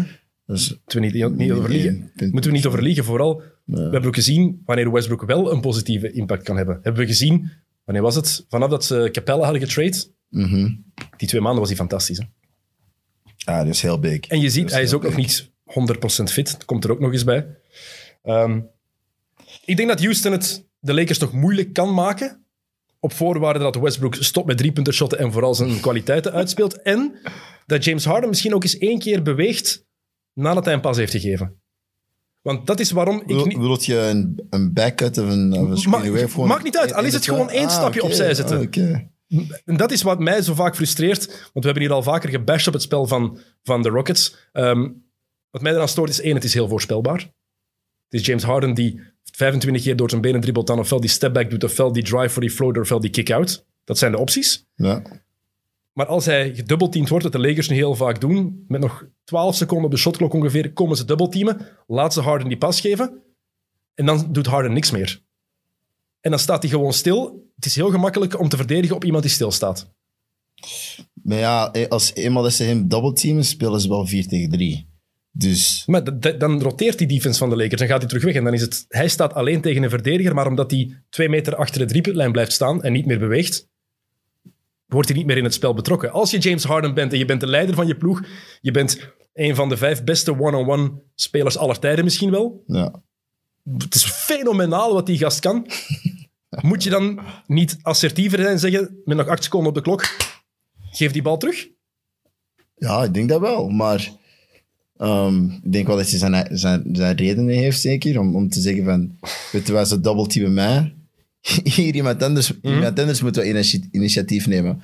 Ehm, Maar als je dat het hele seizoen nooit doet, als het hele seizoen jij het bent die al het initiatief neemt, ah ja, dan... eh, dat, is ook, het komt- er ook bij. hè? Maar, maar ze, hebben, ze, hebben, ze hebben wapens, dat is het ding. Ze hebben andere spelers die, die, ehm, die kunnen aanvallen en plays kunnen maken voor andere spelers. Dus ik denk, Eric Gordon is fantastisch aan het spelen, vind ik.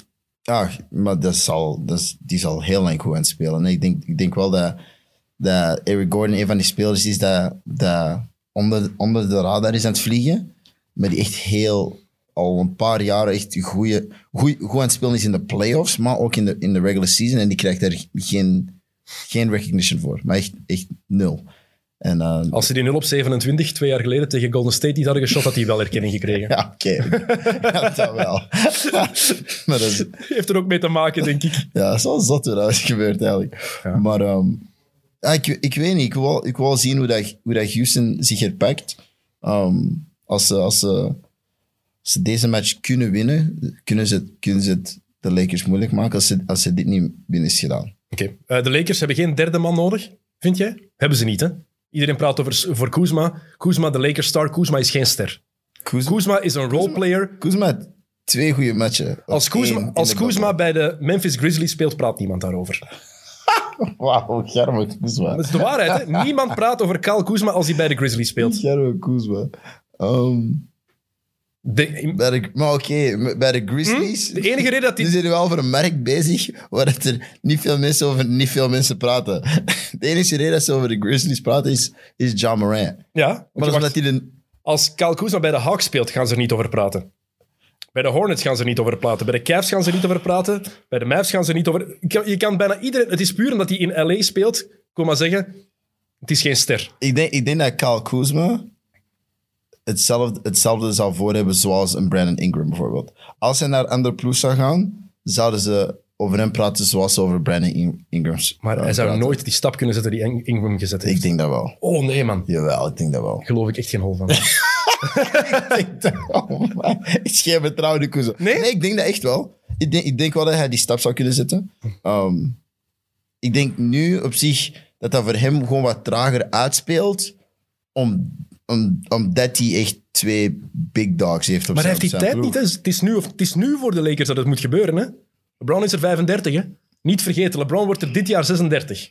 En ja, het lijkt alsof hij onverwoestbaar is, maar wat die gast doet op zijn, in zijn 17 jaar in de NBA, het is, het is belachelijk. Hè? Of je nu pro of anti-LeBron bent, maakt niks uit. Ja, Het is waanzinnig. De cijfers dat die, die, die laat zien, het is, ja. Het is belachelijk. Het is Wat, average die? 27, Echt? 9 en 9? Ja, 9 denk en dat 9 ik- denk ik. pas als- 53% van de field en 41% van 3. Ik heb deze ochtend nog gezien. Ja, dat is ongelooflijk. Ik denk dat je pas hier, dit was het inderdaad. Eh, 27,6 punten per match, 9,6 rebounds per match, Ja. 9 assists per match, 58% field goals en 41% Ja, dat is, van achter de driepuntlijn Ja. in deze playoffs.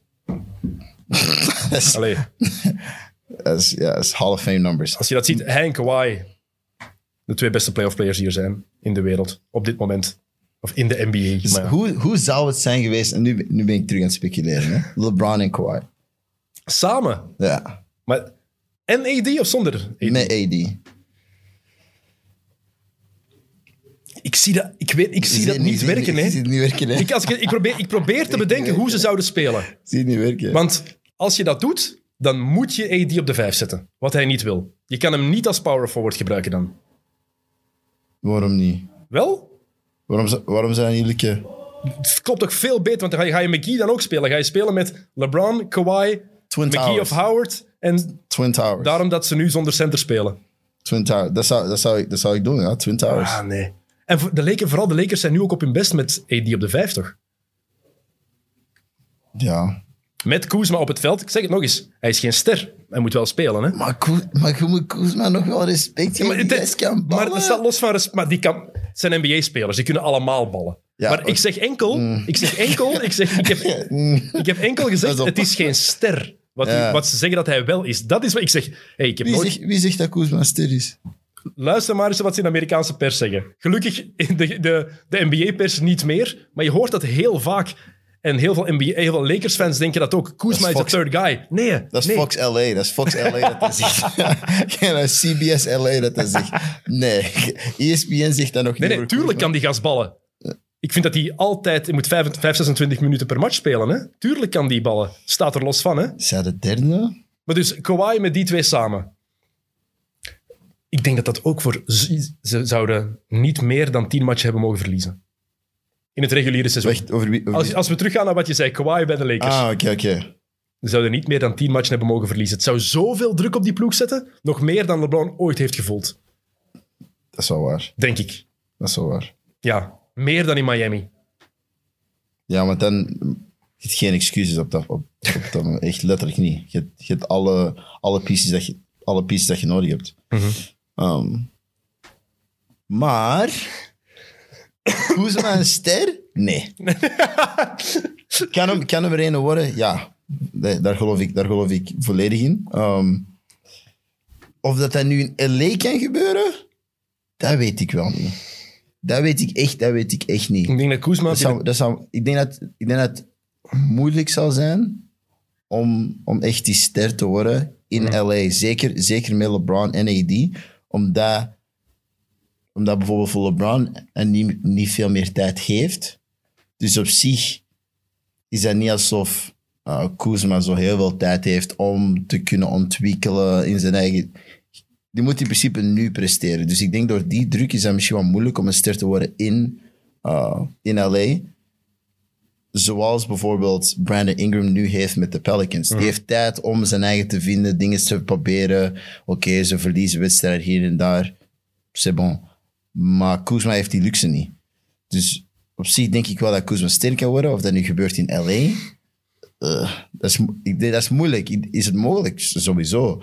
Maar ik denk wel dat dat, dat, dat, dat, dat moeilijk kan zijn. Ik vind het een overschatte speler voorlopig. Ja? Ik zeg niet dat hij niet kan ballen. Hè. Laat dat duidelijk zijn. Hè. Een goede speler. Hè. Maar Ik hoop, ik, hoop dat hij, ik hoop dat hij er vanavond 13 binnen ik, ik, had niet gedacht dat hij- ik had niet gedacht dat we het over Kyle Kuzma zo gingen hebben in deze podcast. Dat was niet... Dat was niet Ik, ik hoop echt dat hij er vanavond echt ik hoop het ook. 30 binnen. Maar, En ik maar- kijk naar de geef ik camera heel en ik graag- zo... mm. Dan zeg ik één match. Eén match rating. Eén match. Dat zegt niks. Ehm, een paar dingen die ik wil aanhalen. Eh, de refs. In deze playoffs. Eh, ik kan niet over de rest praten. Je speelt niet in de NBA, je weet dat, hè? Ja, ik weet dat, maar ik ben van plan om niet te spelen, dus ik kan niet over de rest praten. me eigenlijk niet zo nikken. Maar nee, ik, het- ding met, het ding met de refs is, is, is dit. De, de reden dat ik niet graag over de refs eh, spreek is omdat... Je kunt, je kunt dat echt niet controleren. Je kunt dat, dat, zijn, dat zijn mensen en ze hebben ook maar twee ogen. Oké, oké, zes, omdat het er drie zijn. Maar ze gaan dingen missen. Dat is, dat nu eenmaal zo. Ze gaan dingen missen. En er zijn ook bepaalde dingen. Ik heb, ik heb letterlijk de NBA-wetboek gelezen toen ik in de G-League speelde. Er zijn, er zijn regels die... They're open to interpretation. En dat is, en dat is het moeilijke. Wanneer, wanneer dat er bepaalde dingen zijn dat, dat je als ref kunt zeggen van... Ah, vanwege dit ga ik dat niet zo callen. Wordt het moeilijk om, om elke situatie eh, deze- dezelfde calls te maken of eh, op zich eh, de juiste calls te maken. Dus daarom met de refs heb ik zoiets van... Kijk, ze doen hun best. Ai, ik hoop dat ze hun best doen. Behalve Scott Foster doet bijna iedereen zijn best, denk ik. Ik, ik, ik geloof in het feit dat ze, dat ze hun best doen. Gaan ze fouten maken? Ja. Ehm, maar, maar, als, maar als speler moet je, ja, ja, mo- moet je, je, je moet ermee leven. Dat is, dat is juist het ding. Er moeten ook gewoon regels veranderen in de NBA. Wel, zoals welke? Zoals de aanvallende speler die een shot fake doet, de verdediger die springt, maar gewoon recht omhoog, en de aanvaller die erin leunt en dan de verdedigende fout Fout. meekrijgt. Bullshit. Fout. Sorry. Als de aanvaller het contact zelf zoekt en hij Fout. springt in de verdediger, is inderdaad een fout van aanvallende. Fa- Wat? nee. Re- Rating. Nee. Als je als aanvaller erin Nee. springt, kom aan. Nee, ik want haat dit- die fouten. want- want dit is ik het ding. haat die. Want Om te dit is- zien ook, het is vreselijk. Je weet dat het gaat gebeuren. Vooral Lowry is daar de meester in. Hè? In die fake, I love Kyle Lowry, echt waar. Maar die fake, en dan wachten, gaat hij springen. Ah ja, en met een schouder daarin. Kom aan, man. Voilà. Maar, maar, dat- maar dat, Dat is bullshit, dat, toch? komt, dat komt letterlijk terug naar wat, naar wat ik had gezegd voordat dat we ze- zijn begonnen. Gotta stay disciplined. Dat is, dat is juist het ding. Maar Nee, you gotta stay... Maar als het ik, is geen als, fout. ik, als ik een shot fake doe en jij springt, ja, als ik recht omhoog spring. you done. Fout. Als, men- niet als je als verdediger recht omhoog springt, bedoel ik effectief kaarsrecht, en je springt er als aanvaller... Waarom springt je? Maar, Waarom springt je? maar wacht. Waarom springt je? Maar als verdediger, als aanvaller spring je in de defense. Klopt ook niet. Je ziet heel vaak, ik vind, ik heb al heel wat aanvallende fouten gezien bij een drive, waarbij ik denk, hmm, dat is wel licht. Dat wordt dan wel als aanvallende fout gefloten. Maar want, en dan is het excuus, ja, de aanvaller maakt het contact eerst. Dat is wat de refs dan ook zeggen. En de commentatoren. scenario, en, scenario. En dan van achter de driepuntlijn mag je letterlijk twee meter naar voren springen als, ver- als aanvaller. En is het, krijg je de verdedigende fout. Maar als je je voeten een half metertje naar buiten shot, krijg je wel de aanvallende fout tegen. Makes no sense voor mij. Snap je? Oké, wacht. Hè. Dat, zijn dat zijn drie Er, verschillende... er, zit geen er zit geen constante in voor mij. Maar dat zijn drie verschillende scenario's. Dat is juist het ding. Als ik, als ik een shot, als ik een shot maak en jij springt, you're out of defensive positioning. Je bent letterlijk out of defensive positioning. Waarom? Jij bent aan het anticiperen op een actie dat ik zelfs niet eens heb gemaakt. Dat is een shot fake. Waarom springt jij? Ik ben nog op de grond, jij bent in de lucht. Dus als ik dan in u spring, ik denk, dat is terecht, dat is een fout. Waarom? You messed up. Moet als je- verdediger. Moet je, dan ook, moet je dan ook vrijworpen krijgen? Want er is niemand die een shot neemt door naar voren te springen. Niemand. Kijk, als, je- als voor, die, jij maar, zou- ja, oké, nee, maar als je kijkt, maar als je nu kijkt van basketball fundamentals, zeggen ze wel, als je shot, als je een vrouw shot, naar waar moet je, naar, naar waar moet je leunen? Maar je moet nooit met je lichaam helemaal... Ja, je gaat voren met je lichaam meters naar voren. Oké, niet, oké, ik, Ah, ik denk je wel moet dat- recht omhoog, Ik denk ja. wel dat er een verschil is tussen ja, twee meter vooruit springen of ja, nou, ik denk wel dat eh, maar je ziet... Maar het het wordt, moet een bek, het moet een bekken zijn. Soms, heb je- soms is het inderdaad terecht, maar je ziet toch wel extreme gevallen vaak. Hè? Je ziet toch ma- mannen die effectief zich naar voren smijten en dan de verdedigende fout meekrijgen, waarbij ik denk, als verdediger... Dat is, dat, is, dat is terecht. Dat denk ik wel. Ik denk, Dat ik is denk mijn wel, punt, hè? Ik denk wel dat je... Maar dat is, dat is weer het moeilijke. Dat is het moeilijke, want nu, nu komt er weer van... Oké, waar, waar trekt je die grens? Effectief. Zet je, waar trekt je die grens? Dus daarmee denk ik, dat is weer interpretatie voor elke ref. Maar ik denk dat dat terecht een fout is. Als ik een, als ik een shot neem, jij springt, you done. Ik denk, ik denk dat is juist, ik denk dat is oké. Um, ik, denk, ik, ik vind dat, ik vind dat een goede regel. Kick your legs, ik, ik, denk dat, ik vind dat is een aanvallende fout. Juist zelfs een manier dat als, jij, als een verdediger je voet onder de, de shotter schuift, dat is een verdedigende fout. Vind ik Dus kick your legs, als je dat doet zoals Reggie Miller dat deed en Jason Kidd dat ook deed, ehm, als geen ander konde, af, absoluut aanvallende fout. Maar is het, so- soms is het ook heel dubbel als je kijkt hoe Kobe en Michael Jordan hun fadeaways deden. Dirk Nowitzki was ook met die, die leg kick die daar eigenlijk in zat. Michael Jordan en Kobe, Jordan heeft dat Kobe letterlijk geleerd, die voelden waar hun tegenstander was met hun voeten, met Ja. hun benen, door die naar buiten te shotten. Ja.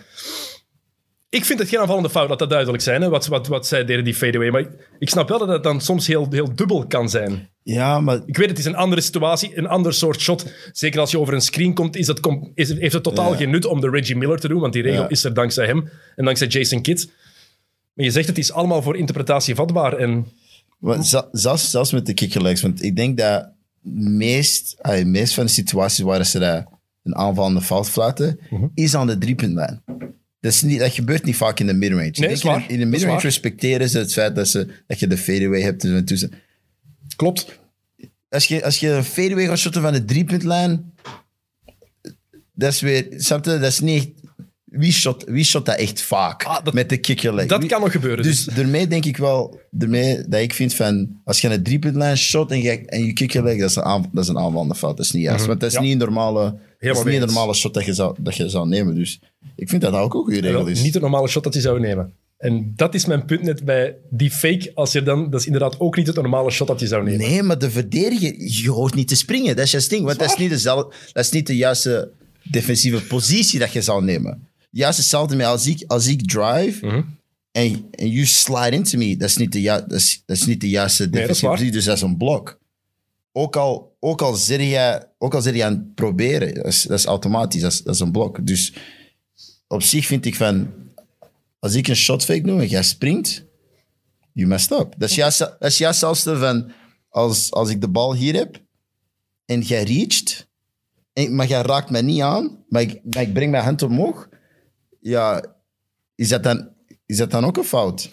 Ehm, ik vind het soms wel, als het zo extreem wordt als wat James Harden als geen ander kan, effectief die arm vastpakken zo, vind ik vaker een aanvallende fout. Als effectief, wat, wat jij nu zegt, Maar is, is zijn hand nog op de bal, ja of nee? maar wat, jij, maar wat jij nu zegt, als, als je naar de basket drivet, je pakt die bal met één hand vast, zoals een voetbal eigenlijk, en met die andere hand pak je als aanvaller de verdedigende arm vast, wat Harden als geen ander kan, Ja. en waar hij mee wegkomt. Als verdediger maak je geen fout aan. Je kan daar niks aan... Als je zo, als je zo meegaat en je wordt gehaakt... Als jij aan het verdedigen bent en de, en de man waar jij op verdedigt, die haakt jou echt. Je kan niks doen, hè? Maar de- je moet, nu moet je wel een stapje terugnemen. Want oké, de enige, ik zou zeggen, de, de enige manier dat je zou kunnen haken is Ja. als er een handcheck is. Want Die, dan- vo- die voorarm ook, hè? Als je die voorarm tegen je... Tegen je als je Ja, maar- voor, mag, hè? Zie, maar dat, ja, dat is het. Oké, ja, dat mag. Ja, dat maar ik. dan, dan kan ik in principe ook mijn gather, Oh, ja. mijn gather zodanig doen dat je arm vast zit. Mhm. Dus dat is, maar dat, speelt, dat, is, dat is weer spelen met de regels. Hè? Nog, nog eens, dat is ook subjectief. Ik zie dat gewoon niet zo graag. Dat is Ah, puur, ja. Nee, puur subjectief. En ik, denk, ik vind het ook niet helemaal correct als je kijkt wat voor tiki-taki fouten je soms krijgt als verdediger. Dan denk ik, kom, als je dat fluit als verdedigende fout... Ja, dat moet alles te laten. Snap je wat ik wil zeggen? Het is, het is een beetje te veel twee maten twee gewichten soms, vind ik. Maar, zwart. Interessant. Ik, ik, ik vind het leuk, want ay, veel, veel van die... Dat, maar dat is zoals wat Kobe heeft gedaan. Hè. Die, heeft, die heeft ook de regelboek geleerd, geleerd, zodat hij kan weten van op welke manier dat hij ehm, het spel kan beïnvloeden. En Ja, het is dat slim, is, hè? nu, dat is nu eenmaal gewoon wat de beste spelers doen. Dat Dus duidelijk zijn. ik, vind, ik vind dat op zich geweldig. Er- ay, Het is slim. ik doe dat zelf, dus ik, ik kan... De meer, dat- de meer Ah, daar is het. De meer dat ik niet kan zeggen van... Nee, nee, nee. ehm, dat is niet juist, want oké, de, regels zijn de, dus de regels zijn de regels. Juist zelfs zoals de gameplan is de gameplan. Als uw coach zegt van, yo, side ball screen, en push, we push baseline. Ja, oké, ik weet wat je moet doen, dus ik kan, er, ik kan erop inspelen. Dat is nu eenmaal zo. Als ik weet van, ehm, als ik drive, je gaat je arm daar liggen. En als ik dat kan hooken op een manier waar dat beide handen nog op de bal zijn, en dat is een fout, dan mag ik dat ook doen. Dus ik, ik denk dat ehm, op zich, ja, dat is, dat, is, dat is gewoon, dat is playing the game within, within the game. En, En, eh, als het dan gaat over het shot, die shotfake en het springen, fout. Nee, ik wou, ik, wou, ik, wou, ik, wou, ik, wou, ik wou een beetje tegemoet komen. Ik wou net zeggen, want wat er wel effectief is, wat je van kleins af aan, kleins af aan wordt geleerd, zelfs in België, shotfake, voet op de grond. Voet op de Voet grond. op de- dus dat is wel effectief waar. En je maakt als verdediger een fout, dus daar heb je helemaal gelijk in. Oké, ehm, nog één ding. Kijk, elkaar tegemoet komen. Elkaar tegemoet komen. nee. Ja, kijk, zie- dat, dat is het vooral, die fakes daar. Ehm, laatste, laatste ding, Steve Nash. headcoach van de Brooklyn Nets. Uh, no comment. No comment. No comment. Niet interessant? Ik vind dat interessant. Nog een, point guard, een grootheid, Hall of Famer, die ehm, bij een ploeg gaat beginnen, die meteen titelverwachtingen heeft, want het is eigenlijk volgend jaar championship or bust met KD en Kyrie, ook al weet je nog niet hoe Durant gaat terugkomen van een Achillespeesscheur, wat ik waanzinnig vind, want dat is een blessure waar quasi niemand ooit al eens helemaal van is, goed van is teruggekomen. Dat is zo'n zware blessure Buiten Kobe. Is nooit meer de oude geweest. Hè? Was ook al, niemand is ooit helemaal de oude geworden na, die Achilles, na een Achillespeesblessure. Hè? Kobe ook niet. We moeten er niet, niet over onnozel over doen. Het was niet meer de Kobe van, van daarvoor. Hè? Voilà. Kobe is Kobe. Staat los van wie het gewoon... Dat is zo'n zware blessure. In het basketbal is dat zo bepalend. KD heeft dan nog het voordeel van de twijfel, omdat het een, een shooter van 2 meter 14 is. Ehm, maar Steve Nash, rookie coach, direct zoveel verwachtingen en een ploeg met heel veel persoonlijkheid. Kyrie Irving en Kevin Durant alleen al. Geen cadeau, zou ik denken. Langs de andere kant, Steve Nash gaat nooit aangesteld zijn zonder, de toest- zonder dat Kevin Durant en Kyrie zelf hebben gezegd, we willen hem. Dat, zie, dus daarmee, daarmee, dat ik, daarmee dat ik zei no comment, omdat ik, er zijn zo, ik heb daar zoveel vraagtekens bij. Ehm, ik weet, Omdat het een rookie coach is vooral? nee, niet omdat de rookie coach is, maar op zich, ik wist zelfs niet eens dat Steve Nash wou coachen. Ik wist wel- Niemand, denk ik. Ik wist wel dat hij uh, player development heeft gedaan met Golden State. Ja, advisor. Met, met, met KD. Dus dat wist ik wel. En ik heb al hier en daar bij video's gezien dat, hem, dat hij wat spelers voor zijn trainen en zo. Mhm. Maar ik had geen idee dat, hij interesse had om, om te coachen. Dus op dat vlak, ah, ik, ik hoop gewoon dat het lukt. Dat, dat is het ding. Ik hoop echt dat het lukt, omdat ik ook weet dat hij stapt niet in een club waar ze, of een organisatie waar ze zeggen van, oh, kijk, je hebt, je hebt tijd om, om, om, om alles een beetje eh, te sorteren en uit te vinden. Het is, het is een club die ze hebben gebouwd om te winnen. Dus ah, ik, ik hoop echt dat het lukt, maar ik, ik ben curieus. Ik ben echt curieus om te zien hoe dat, dat, hoe dat, dat in elkaar gaat zijn. Ehm, hoe dat hij zijn coachingstaf gaat uitbouwen. Ehm, En weer een point guard die eigenlijk zonder ervaring een kans krijgt. Als je dat ziet in de geschiedenis, de laatste 10, 20 jaar, de spelers die een kans krijgen zonder, er- zonder ervaring om coach te nooit worden, assistant coach geweest. altijd... Nee, maar oké, maar Doc Rivers, nooit assistant coach geweest voor hij headcoach werd. Mark Jackson, meteen headcoach van de Warriors geweest zonder ervaring. Steve Kerr, net hetzelfde, meteen een kans gekregen. Eh, wie hebben we nog van coaches? En heel wat coaches die gewoon meteen hun kans hebben gekregen. Derek Fisher, ja, nooit, nooit Fisher. assistentcoach. Jason Kidd, nooit assistentcoach geweest. Ja. Allemaal point guards. Alleen maar point guards die krijgen meteen het voordeel van de twijfel. Oké, omdat jullie de coach op het veld waren, vertrouwen jullie meteen, moeten jullie... En dan kijken naar Patrick Ewing, die Ja. 20 jaar zijn nikkel heeft afgedraaid om dan nu eindelijk headcoach te zijn van Georgetown. Het is heel straf, want Steven A., ik wil daar niet op ingaan, het heeft er een heel white privilege ding van gemaakt. Ik ben het daar totaal niet mee eens, omdat ik net zei, je hebt Doc Rivers, Mark Jackson, hebben, ehm, hebben ook allemaal hun, hun kans gekregen als headcoach zonder Ja. enige ervaring. Er zijn Ja, heel wat ja. genoeg zwarte coaches die meteen ook hun kans hebben gekregen zonder ervaring, wat trouwens bijna iedereen tegenwoordig ook zegt van... Nee, dat is inderdaad, he skipped the line. Nee. Maar dat is, gebeurt vaker. Ik vind het interessanter om te kijken dat het alleen maar point guards zijn die de line skippen. En dat het bijna nooit een shooting guard of een ex-small forward of een ex-power forward of een ex-center is. Ik ga nu gewoon heel vlak af zijn. Ik denk dat dat ook terecht is. Ja, ik denk het ook. Ah ja, ik, ik ben het daar niet mee oneens. Ik vind Nou, het is gewoon denk heel straf. Het valt op. Ehm, ja, ik denk dat dat terecht is. Maar dat, dat, ah, dat komt ook met de verwachtingen van een point guard. En, ehm, maar opnieuw, ik ben echt curieus om te zien hoe dat, eh, gaat, gaat werken. Want Steve Nash als coach, voor een, voor een of andere reden, denk ik echt dat hij dat goed gaat doen. Ja, ik ook. Ik denk echt dat hij dat super goed gaat doen. Omdat je ook de verhalen hebt gehoord. De meest positieve ploegmaat ooit. Dankzij hem zijn ze bij Phoenix begonnen met we moeten, minimum, we moeten een minimum aantal high fives hebben in een match. Omdat hij wist, Dat wist ik zelfs niet. positief voor de ploeg. We moeten denk, minstens 100 high fives of zoiets hebben per match. En daardoor begon dat... nog- Zoveel, hè? Eigenlijk, hoeveel in een match geef je veel high fives, hoor. Er was effectief een assistentcoach die dat, 25 per effectief een assistentcoach die dat bijhield. Enkel, enkel hem of gewoon de hele De ploeg? hele ploeg, hè. En effectief, en als je ook zag aan, aan, aan Steve Nash, wat je hoort van al zijn ex-ploegmaats, dus het is niet, de pers zegt, De ex-ploegmaats hebben dat al gezegd. Als hij zelf een slechte pas gaf, ging hij zich verontschuldigen aan zijn ploegmaat, omdat hij net wilde dat zijn ploegmaat zich zo goed mogelijk voelde. Hij nam altijd alle verantwoordelijkheid op zich. En als je dat al doet als speler, dan kan het als coach alleen maar werken. Ja. Denk ik. Nou, nee, je hebt gelijk. Ik, ben, ai, ik, ik, ik, denk, ik denk echt dat het gaat lukken. Ehm, of het nu gaat lukken in het eerste jaar, ai, dat weet ik nu niet. Maar ik denk wel dat als je Steve Nash tijd geeft, dat, dat, dat hij de kans heeft om een van de, van de betere coaches te worden. Ik, ik geloof daar echt in. Ik ook. Daarmee dat ik, ja, Tenzij dat Carrie het verneukt. Carrie. Zoals hij, Nee, ik denk- ik zoals denk- hij in Boston gedaan heeft. Ik en denk, zoals dat, hij in ik denk dat gedaan heeft. ik denk en, dat Steve Nash wel met Kyrie gaat kunnen praten. eh, als Steve Nash eh DeAndre Jordan in de basis zet. Daarom is Kenny Atkinson ontslagen. Hè? Jared Allen stond in de basis. Atkinson wordt ontslagen. Wie start de volgende match? DeAndre Jordan. Goed, eh, nog één ding. Laatste. Maar DeAndre Jordan is Lob City. Ja, was Lob City. Ehm, Niet meer? Vers- Versletene man leeft het ook gewoon. Hè? Nee, nee. Je gaat zien, dit jaar. Lob City terug. Eh, reken op. Bassan. Hoe ziet jouw toekomst eruit? Goh, rooskleurig. nee, maar ehm, ja, gewoon het afwachten nu. Uh, het Je hebt nog geen ploeg. Nog geen ploeg. Ehm, ah, we zijn met ploegen bezig. Ehm, ja. Maar ehm, ja, het is afwachten. Het is afwachten en zien ja, welke liga's waar ze kunnen aanbieden. Of de liga's zelfs gaan beginnen, hoe dat, dat er gaat zien.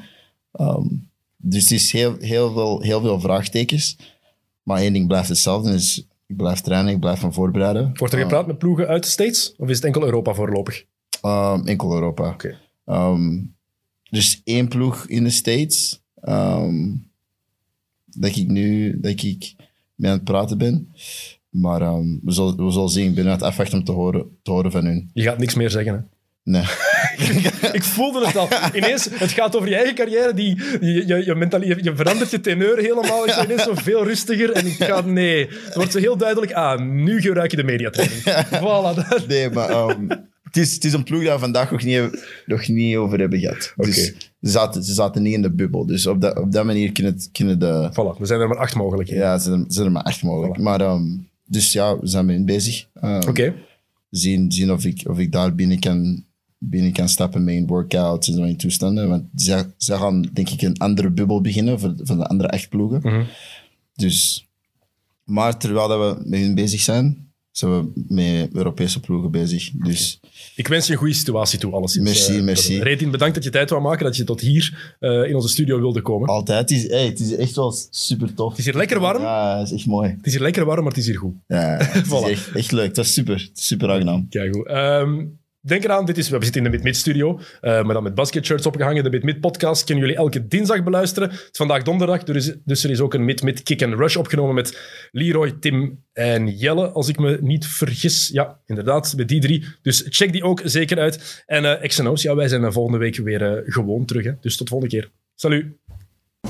Alles wat u moet weten over de NBA.